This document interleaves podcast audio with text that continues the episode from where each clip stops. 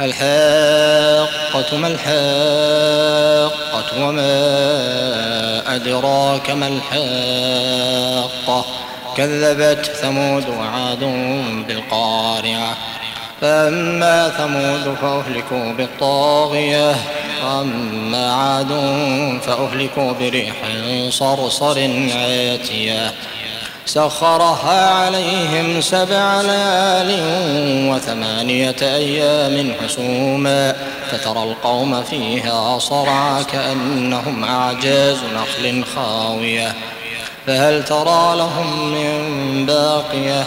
وجاء فرعون ومن قبله والمؤتفكات بالخاطئة فعصوا رسول ربهم فأخذهم أخذة رابية إنا لما طغى الماء حملناكم في الجارية لنجعلها لكم تذكرة وتعيها أذن واعية.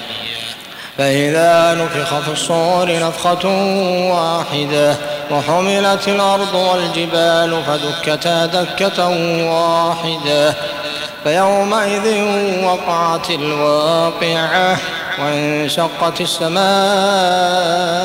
فهي يومئذ واهية والملك على أرجائها ويحمل عرش ربك فوقهم يومئذ ثمانية يومئذ تعرضون لا تخفى منكم خافية فأما من أوتي كتابه بيمينه فيقول هاؤم اقرءوا كتابيه إني ظننت أني ملاق حسابيه فهو في عيشة راضية في جنة عالية قطوفها دانية. كلوا واشربوا هنيئا بما أسلفتم في الأيام الخالية. وأما من أوتي كتابه بشماله فيقول يا ليتني لم أوت كتابيه ولم أدر ما حسابيه. يا ليتها كانت القاضية. ما هلك عني سلطانية. خذوه فغلوه ثم الجحيم صلوه. ثم في سلسلة ذرعها سبعون ذراعا فاسلكوه.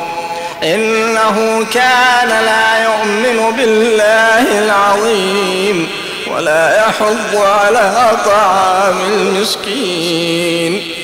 فليس له اليوم هاهنا حبيب ولا طعام إلا من غسلين لا يأكله إلا الخاطئون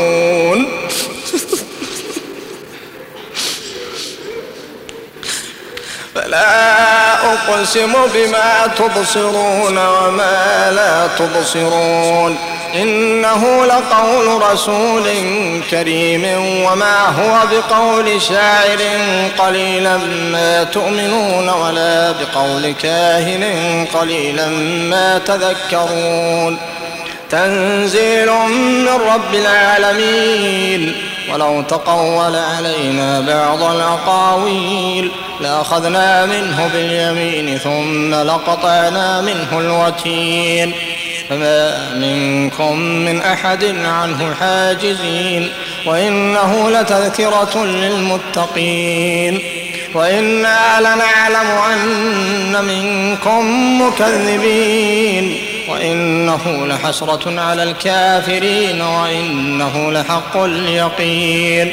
فسبح باسم ربك العظيم.